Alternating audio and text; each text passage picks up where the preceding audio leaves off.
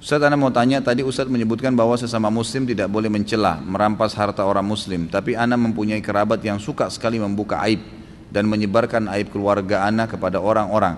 Bagaimana sikap yang harus kami lakukan? Kami bisa memaafkan tapi celan-celan mereka sungguh tidak bisa dilupakan.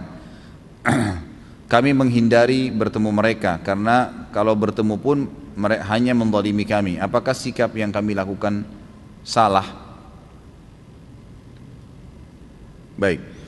Kalau ada orang-orang di antara kerabat kita yang jahat seperti ini, kita boleh menjaga, menjaga batas atau membatasi hubungan, tapi bukan memutusnya.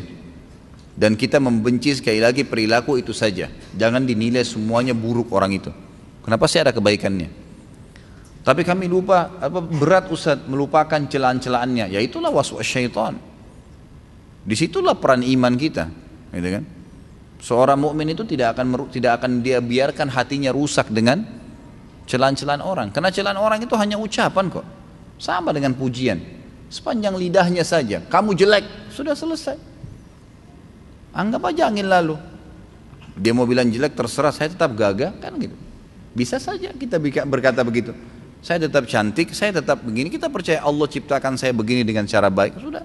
Nggak ada sesuatu yang harus berbekas kok sebenarnya. Gitu kan? Lain kalau pisau diiriskan ke badan, jasad kita rusak mungkin. Tetapi kalau seandainya hanya kata-kata saja, tidak ada sesuatu yang perlu diperdulikan. Allah subhanahu wa sudah mengatakan kepada kita agar bagi, atau mengajarkan bagaimana menghadapi orang seperti ini. A'udzu billahi rajim wa idza khatabahumul jahiluna qalu salama. Orang-orang beriman itu hamba-hamba Allah yang disayangi oleh Allah, ibadur rahman namanya, gitu kan? Mereka yang kalau melewati orang-orang jahil, kata ulama tafsir jahil adalah suka mencaci maki, suka mencela, suka menilai buruk penampilan seseorang, gitu kan.